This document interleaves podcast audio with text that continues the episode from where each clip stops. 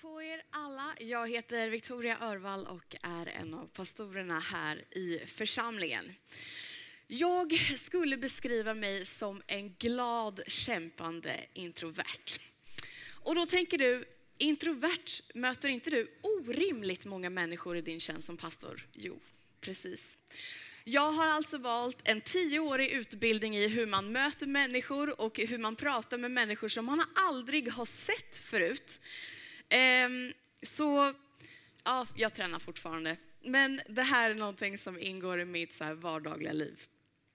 Jag är en sån här människa som om jag ska till ett nytt sammanhang så har jag alltid med mig en kompis eller en kollega. Och det är inte bara så en random person som följer med mig utan det är en person som är socialare än mig. Så att om man ställer sig i en grupp eller i ett samtal eller något så vet man att den kommer liksom få det här samtalet att rulla vidare väldigt bra. Så man, man hittar liksom vägar för att eh, lösa allt. När jag var liten eh, så tyckte ju alla i min klass och egentligen alla klasser jag gick i att det här med utedagar, det är ju något fantastiskt. Man slipper skolan en hel dag och får vara ute och leka. Och jag kände, ah, jag sitter hellre i skolan faktiskt, tack. Jag, jag sitter hellre där jag känner mig trygg, där jag får sitta med min lilla bok och alla andra kände, så jag frågade, jag tror jag frågade varenda lärare jag hade, så här, varför måste vi vara här? Jo, men det är för att du ska kunna lära känna människor och så kan vi bygga gemenskap. Och jag kände, jag vill inte lära känna någon mer människa. Jag vill inte ha gemenskap. Och jag kände att de vänner jag har, det är tillräckligt för mig. Så jag, jag var ju sjuk alla gånger jag kunde. Det var några jag liksom inte kunde missa, men det var väldigt många jag missade. Jag har aldrig varit på någon så kanot med klassen för att jag var sjuk då. Det här är ju som ni hör, det går inte alls ihop med vad jag håller på med. Och det är någonting som jag eh, jobbar på, som jag sa nyss, fortfarande. Men det finns ett sammanhang en gång som fick mig att vända på hela den här bilden. Jag var iväg med ett gäng kompisar och eh, vi hade varit på en resa som hade varit, jag tror det var tio dagar.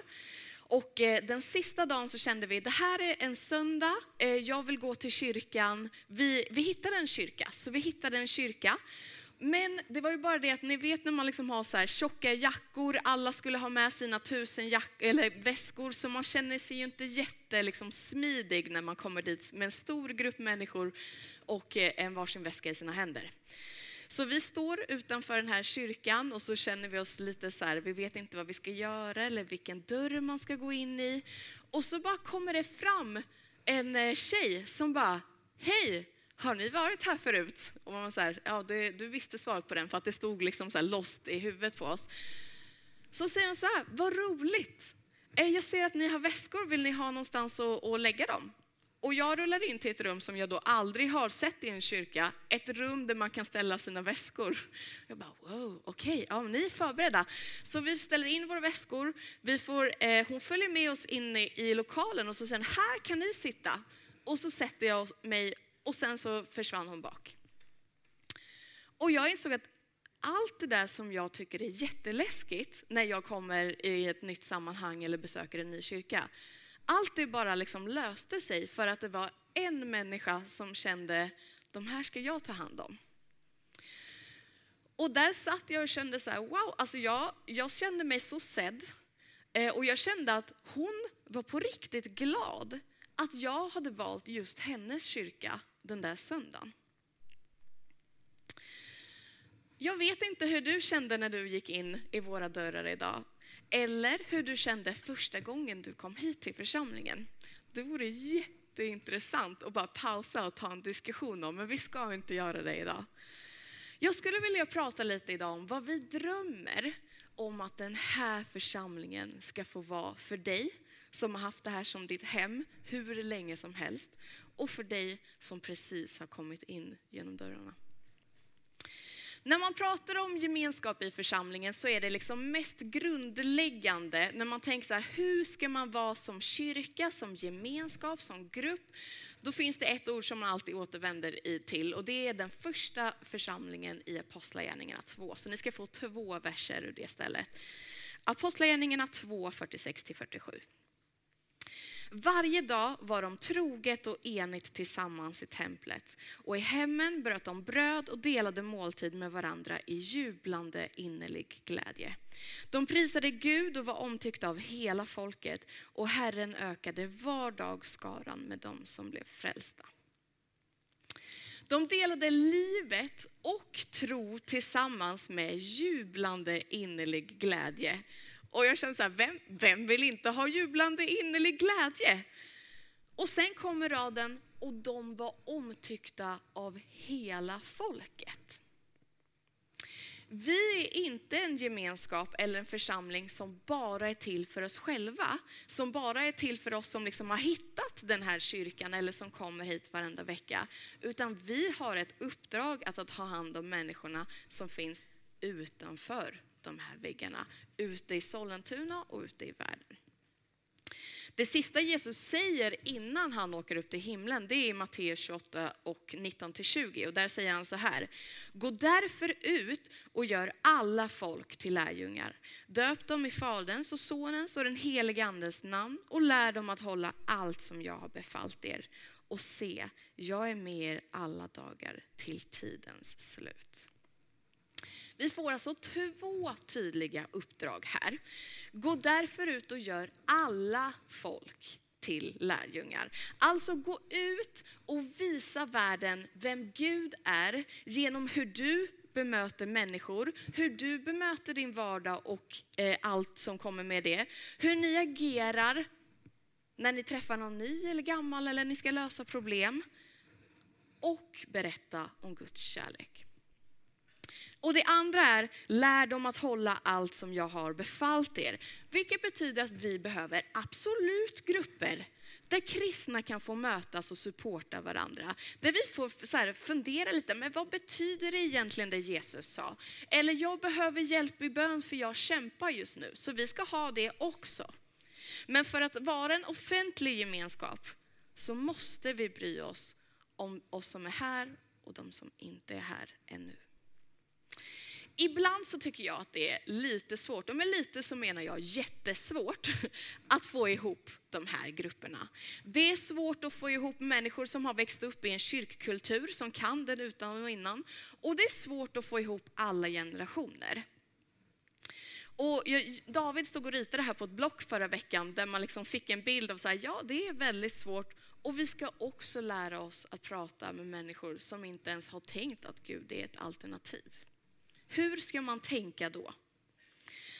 Ja, när man funderar över hur vi ska agera som kristna eller vara som kyrka så är de två enklaste tipsen är ett, studera Bibeln. Öppna Bibeln och se hur gjorde Jesus? Hur mötte han människor? Vilka var det som han pratade till? Hur såg det ut när han gick runt där egentligen? Och när du har gjort det, Gå till en kompis eller någon du ser upp till här i församlingen. Eller boka en fika med någon av oss pastorer eller lärare som, har bara prat, ja, men som talar i den här församlingen. Och fråga du, jag läste det här. Borde inte det betyda att vi ska göra så här? Hur tänker du om det? Om man ska leta efter Jesus i Bibeln så hittar man honom överallt. Men vill du verkligen se så här, ja men hur mötte han människor? Det är det evangelierna, alltså starten i nya testamentet som du kommer hitta de tydligaste storiesarna i. Om du börjar i nya testamentet så kommer du starta i Matteus och där startar det först med en liten släktrad som visar att eh, det står att du, eh, nu ska ni få höra. I början så står det lite om släkt, eh, den släkten som Jesus kommer ifrån. Därför att Gud har sagt att det ska komma en Messias, någon som räddar folket. Och för att visa att Jesus kommer från just den släkten så finns det lite mer där i starten i Matteus. Sen kommer en liten bit som heter bergspredikan som handlar om hur ska vi göra, hur ska vi lösa saker, hur ska man bete sig egentligen? Och sen kommer det några kapitel, det är kapitel 8 och 9 som är så här, vilka människor var det Jesus mötte? Så ni kan gå hem och läsa de här, kapitel 8 och 9, men jag har hjälpt er, jag har gjort en lista. Det här är människorna som han möter i de här två kapitlerna. Och när man har gjort den här listan så inser man att han möter ganska olika personer. Den första som han helar är en leprasjuk. Och det här är alltså en person som har en sjukdom som alla är rädda för. Så han får inte ens vara med, liksom, han får bo utanför stadsmurarna. Men Jesus går ända dit och så säger han, dig vill jag ha att göra med, nu blir du helad och så blir han frisk. Sen så kommer det en romersk officer som har en ganska bra ställning i stan och säger, jag behöver också hjälp av dig. För hans tjänare är sjuk och då hjälper Jesus honom. Helar Petrus svärmor som hade hög feber. Han stoppar ett stormigt hav så att båten som han själv och hans lärjungar befinner sig på inte går under. Han ber för två män som alla andra tänker att wow, de här, är bara, de här är bara helt crazy, det finns nog ingen lösning för dem. Han går fram till dem och så ber han för dem och så blir de befriade. Han helar, och det här är en av mina favoritstories. Jesus samlar ganska ofta mycket folk. Han har, står i ett, i ett hus där det liksom är packat med människor, så det är några som verkligen vill ha hans hjälp. Men eh, de kommer inte fram, för de har en kompis som ligger på en bår. Så då tänker så här, hur ska vi lösa det här? Och det här är ju bara en viss typ av människor som kommer på. Vi klättrar upp på taket. Och vi klättrar inte bara upp på taket, vi gör sönder taket. Och så firar vi ner honom. Det är ju en perfekt lösning. Och ni förstår, det är inte många av oss som skulle komma på den lösningen. Men Jesus säger, kul lösning! Jag vill möta dig också. Han helar en kvinna som har varit sjuk i 12 år med blödningar. Hon har gjort allt hon kan, gått till alla läkare och alternativa lösningar som hon kan komma på. Och så inser att nej, det här funkar inte, jag behöver hjälp av Jesus. Han helar en liten flicka som har varit död men fick liv. Två blinda män och en döv man. En, en ganska kul skara människor. Och jag tänker att det, kan, det är möjligt att vi liksom representerar och känner igen oss i någon av de här på listan. Men Jesus möter dem alla. Och det tycker jag är så vackert. Mitt i alla de här människorna så passar han också på i de här kapitlerna att be tullindrivaren Matteus att bli hans lärjunge, sluta, sluta sitt jobb och vara med honom. Matteus blir så glad för den här chansen och känner så här, okej, okay, det här är det bästa som kunde ha hänt mig. Jag måste fira det här. Så han ställer till med stor fest i hans hem och bjuder in alla sina vänner. Och det här är alltså människor, det är alla möjliga och omöjliga som samlas i det här hemmet där Jesus kommer till. Och det betyder att Jesus är på festen och äter mat med vad fariseerna kallade kända syndare. Alltså folk som de visste gjorde fel och levde på ett annat sätt än vad man skulle göra enligt deras lag. Så de kommer fram till Jesu lärjungar och bara, ursäkta, men varför äter din mästare med de där människorna?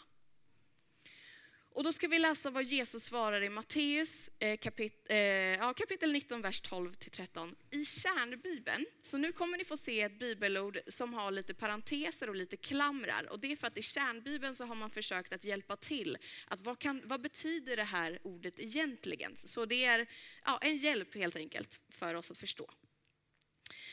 När Jesus hörde det så sa han, det är inte de friska, starka som behöver läkare, utan de sjuka, svaga.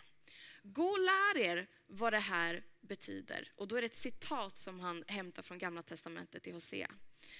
Jag vill se barmhärtighet, alltså en villighet att hjälpa dem i nöd. Inte offer, religiösa ceremoniella riter.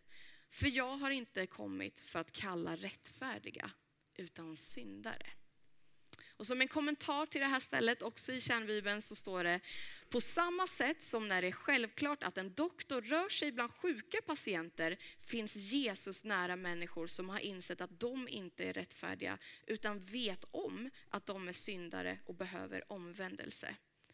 Lukas återgivning av samma citat klargör att det handlar om att vända sig bort från syndarens väg när man tackar ja till Jesus inbjudan och vill bli hans efterföljare. Den här berättelsen finns återgiven i alla evangelier och i ett annat så står eh, en parentes i också kärnbibeln. Jag har inte kommit för att kalla självrättfärdiga. Alltså folk som tycker att de själva är tillräckligt bra. De där som liksom inte behöver någonting och sopar allt lite under mattan och tänker att det löser sig. Jag har det här. Det är inte de Jesus kommer för att rädda. Det finns något okänt geni som någon gång har sagt att församlingen måste likna ett sjukhus, inte ett museum. Och vad menar man när man säger det? Jo, när du går in på sjukhuset och försöker fixa din hand och möter en kompis som kanske har problem med sin fot. Då är inte det, det är inte du som bara så här, Åh, ah, har du problem med foten? Uh, vi kan inte vara vänner längre. Utan du säger ju, hej, jag har problem med min hand och du har problem med din fot. Vad skönt att vi kan stå här och mötas tillsammans. Man vet att det, jag försöker mitt bästa, allt blir inte rätt, men vad härligt att vi kan få vara här i alla fall. Och i ett museum, där känns det lite mer fint ju. Allt är så här ordnat, man får stå lite på håll, titta på de vackra tavlorna och allt som verkar ha gått så otroligt bra. Man får liksom gå runt lite för att inte slå ner de fina statyerna. Det är inte vad en församling eller gemenskap är kallad att vara. Vi ska få vara ett sjukhus som finns till för alla människor.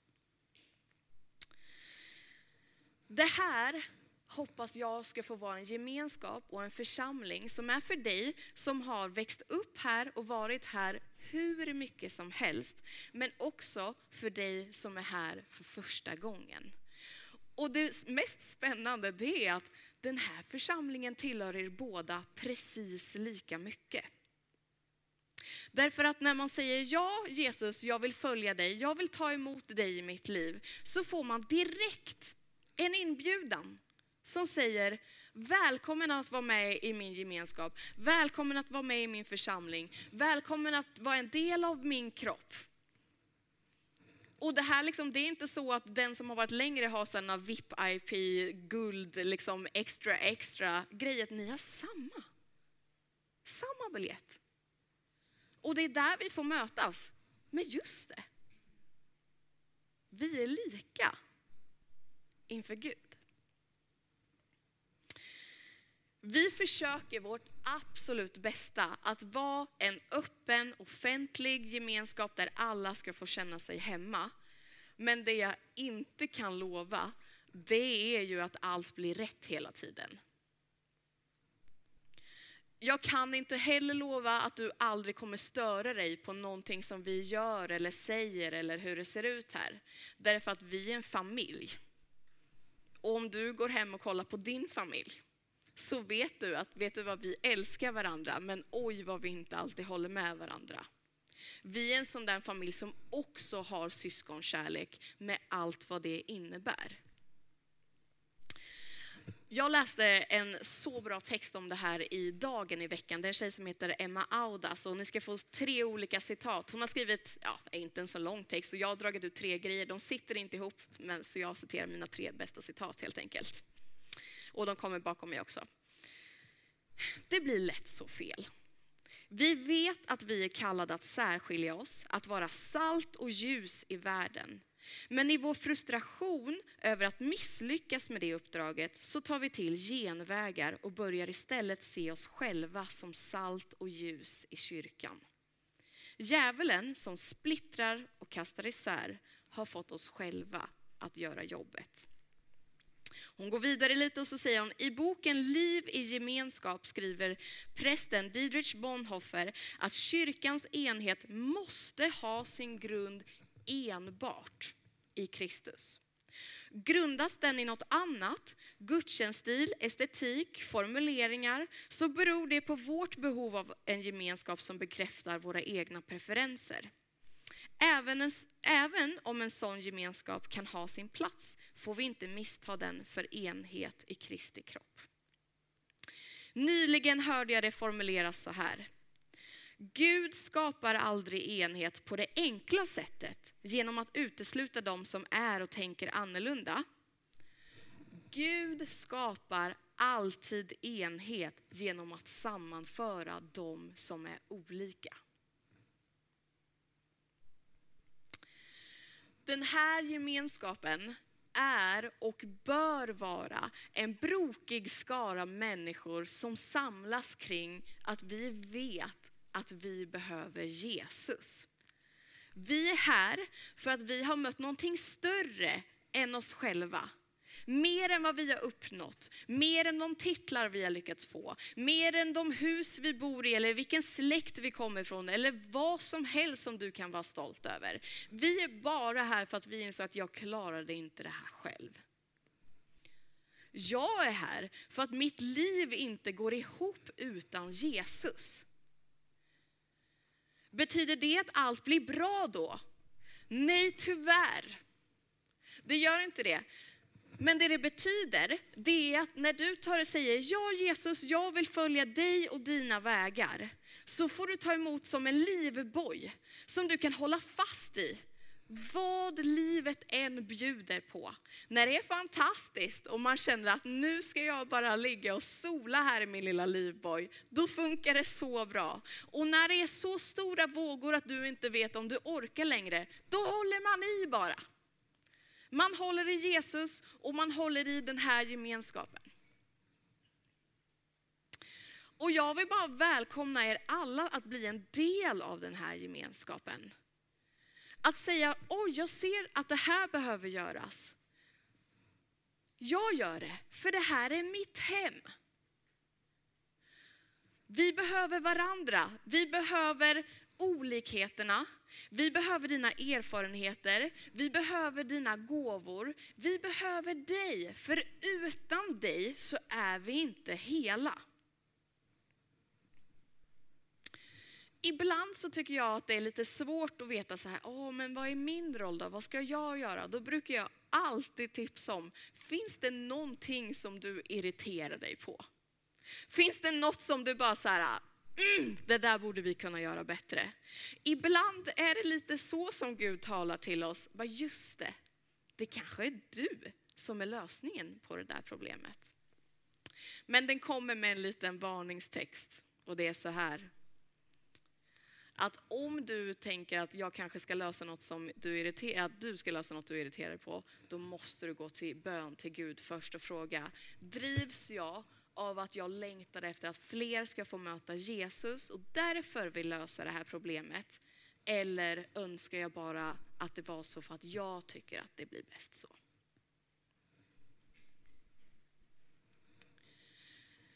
Jag jobbar ju absolut mest med ungdomarna här i församlingen och just nu så har vi precis varit med om ett generationsskifte. Vi har en stor grupp som går i högstadiet och så har vi några människor som går på gymnasiet.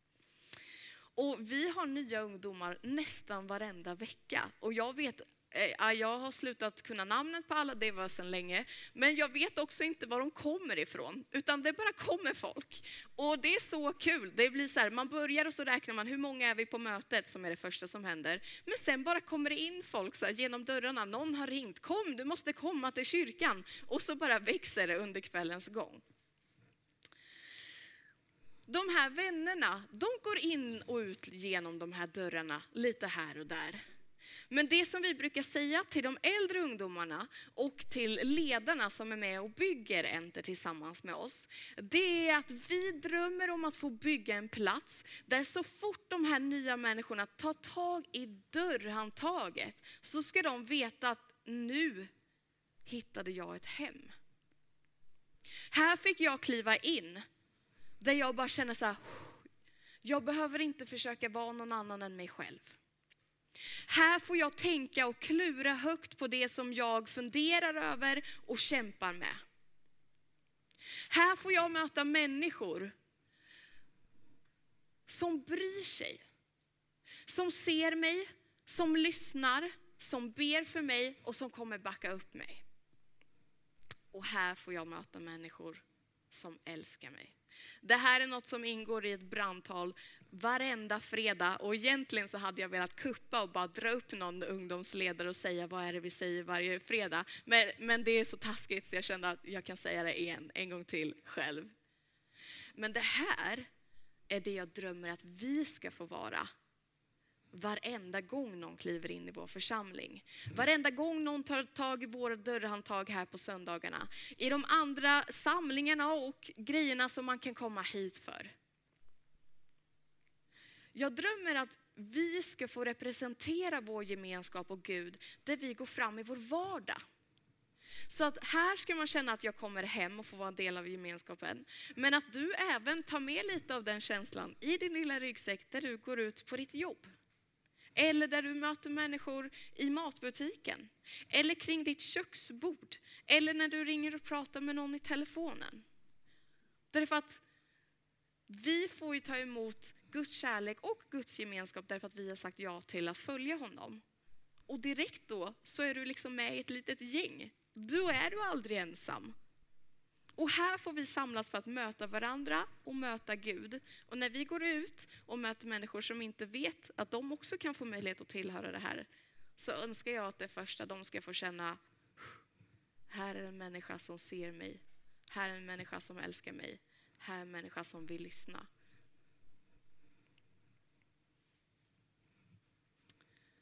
Det här är inte en gemenskap som är byggd på vilka vi är. Det här är en gemenskap som är byggd på vem Jesus är och vad han har gjort för oss. Och den möjligheten finns för varenda människa på den här jorden. Om du är ny här, om du har varit här hela ditt liv. Men det är därför vi samlas och det här måste få vara en öppen plats för människor som behöver Jesus. För annars så har vi gjort någonting fel. Jag ska avsluta med att be, så lovsångsteamet kan smyga upp. Men vi ber för de människorna som är här i lokalen, men också utanför, de som längtar efter att få tillhöra en gemenskap, tillhöra en gemenskap som den här.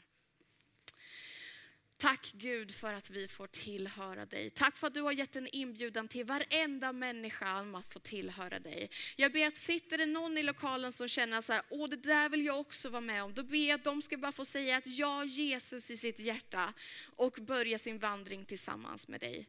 Jag ber också Gud att du utrustar den här gemenskapen, att få se människor, att få älska människor, att vi får se varandra trots våra olikheter och olika generationer och erfarenheter erfarenheter och kulturer, allt som kan bara splittra oss. Jag ber Gud att du ska hjälpa oss att se varandra och förstå.